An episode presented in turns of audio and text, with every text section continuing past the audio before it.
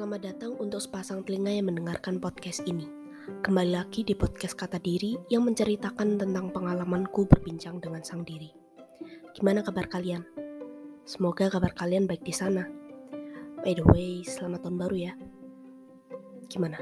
Tahun baru ini udah ngerancang resolusi baru belum? Atau mungkin baru mau bikin? Atau jangan-jangan udah dilakuin? Aku kasih selamat buat kamu yang sudah mulai nerapin apa yang jadi resolusi kamu di tahun ini. Aku doain api semangatnya terus nyala sampai tahun baru ini berganti lagi. Kalaupun belum nulis resolusi baru juga nggak apa-apa sih. Kata senior, karena banyak hal yang harus di nggak papain. Hmm. Toh nggak ada salahnya membenahi yang sudah atau meneruskan garis cerita yang belum berujung titik.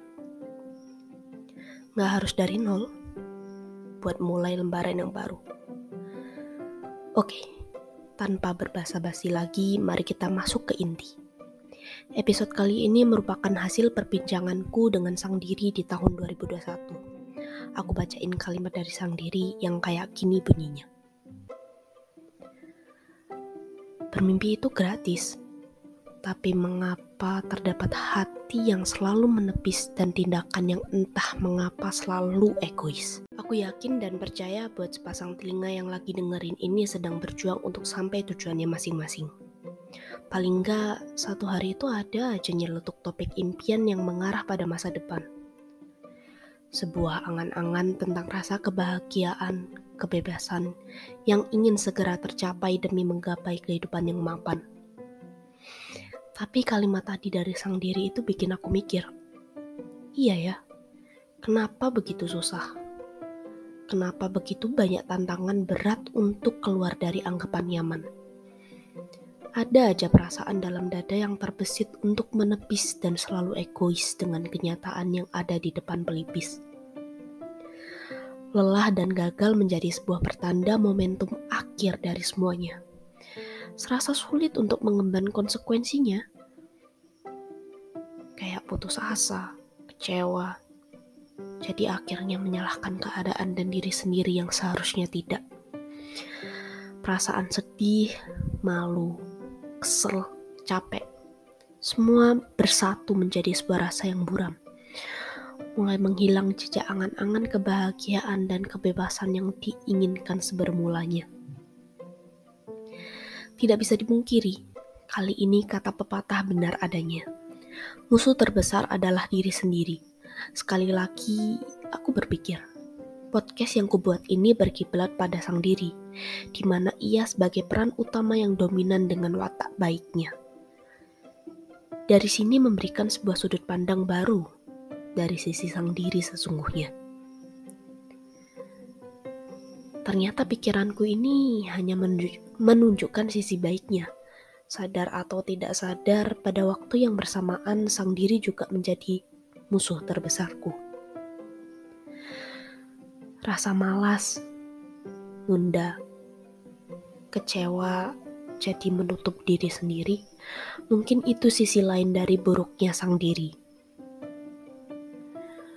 Mungkin diri kalian juga punya kedua sisi ini, sadar atau tidak sadar. Tapi memang seperti itu kehidupan kita. Nyatanya kita hidup dalam dualitas, di mana segala sesuatunya memiliki dua sisi yang tak satu lintas.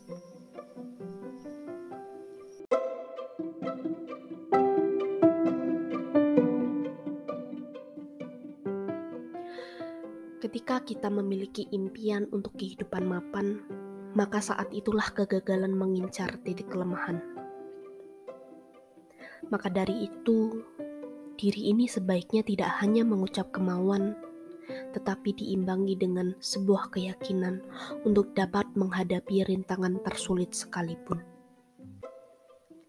Niscaya, kemauan dan keyakinan tersebut menciptakan keberhasilan bukan perihal sebagaimana banyaknya keinginan, maka banyak pula yang harus diselesaikan dengan kerja keras dan bersusah payah.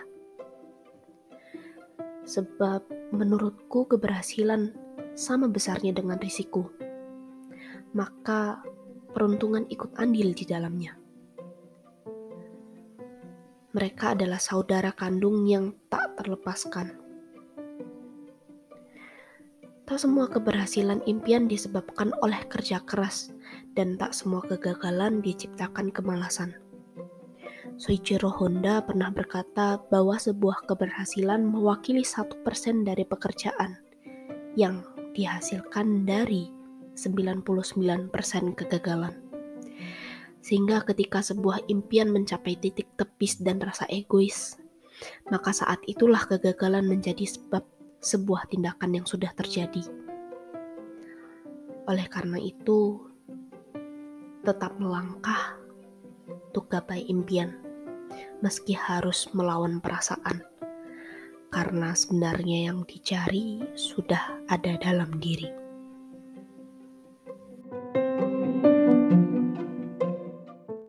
Sharing di atas hanya sebatas opini atas pengalaman dan pemahaman aku tentang sebuah impian. Jadi kalau ada perbedaan pendapat tentang pemahaman tersebut atau kalian mau sharing pengalaman, feel free untuk tinggalin jejak di postingan episode impian di Instagram double underscore kata diri double underscore. Semoga episode kali ini menjadi pencerah di antara sempitnya celah. Sampai bertemu di percakapan dengan sang diri selanjutnya.